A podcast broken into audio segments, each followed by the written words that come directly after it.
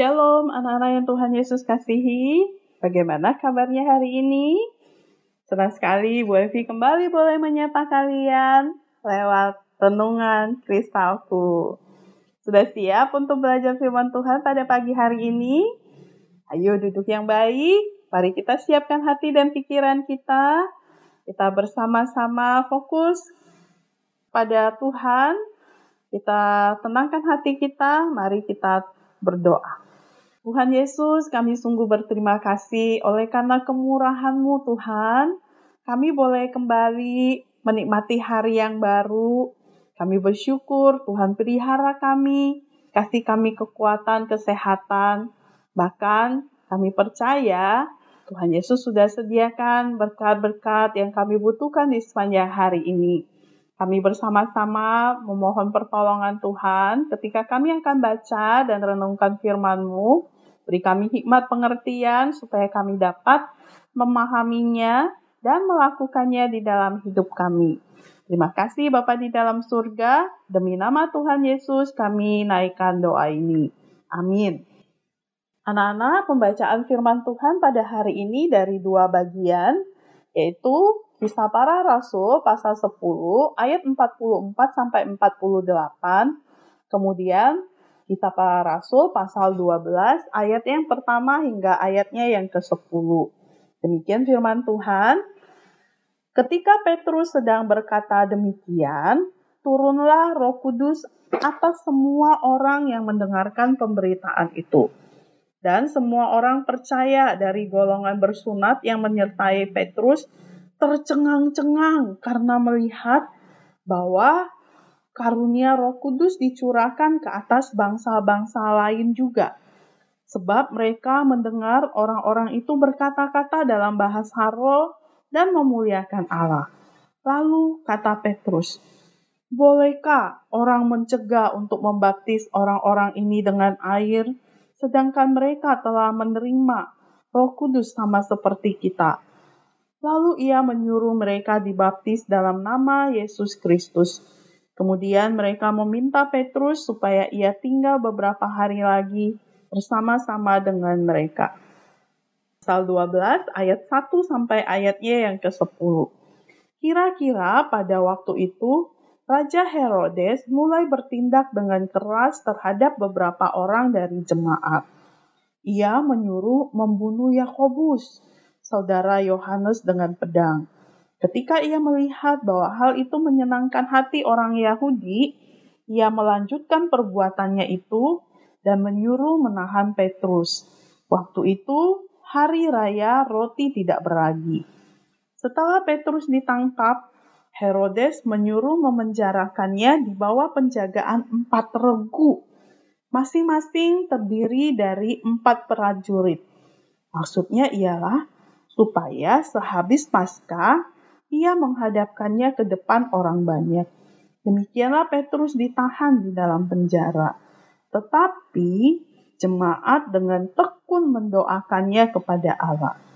Pada malam sebelum Herodes hendak menghadapkannya kepada orang banyak, Petrus tidur di antara dua orang prajurit, terbelenggu dengan dua rantai Selain itu, prajurit-prajurit pengawal sedang berkawal di muka pintu. Tiba-tiba berdirilah seorang malaikat Tuhan dekat Petrus dan cahaya bersinar dalam ruang itu. Malaikat itu menepuk Petrus untuk membangunkannya, katanya, "Bangunlah segera." Maka gugurlah rantai itu dari tangan Petrus.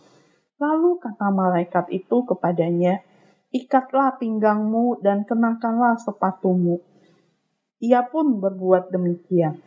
Lalu malaikat itu berkata kepadanya, kenakanlah jubahmu dan ikutlah aku. Lalu ia mengikuti malaikat itu keluar dan ia tidak tahu bahwa apa yang dilakukan malaikat itu sungguh-sungguh terjadi. Sangkanya ia melihat suatu penglihatan. Setelah mereka melalui pintu kawal pertama dan tempat kawal kedua, sampailah mereka ke pintu gerbang besi yang menuju ke kota. Pintu itu terbuka dengan sendirinya bagi mereka. Sesudah tiba di luar, mereka berjalan sampai ke ujung jalan, dan tiba-tiba malaikat itu meninggalkan dia. Anak-anak yang Tuhan Yesus kasihi, firman Tuhan berkata, sementara Petrus berbicara kepada mereka yang berkumpul di rumah Cornelius, Roh Kudus turun atas mereka. Semua orang percaya firman Tuhan dan dibaptis. Namun, Sebagaimana pesan Tuhan Yesus menyebar ke berbagai tempat, Raja Herodes mulai marah, mulai menangkap orang-orang percaya untuk menyenangkan orang-orang Yahudi.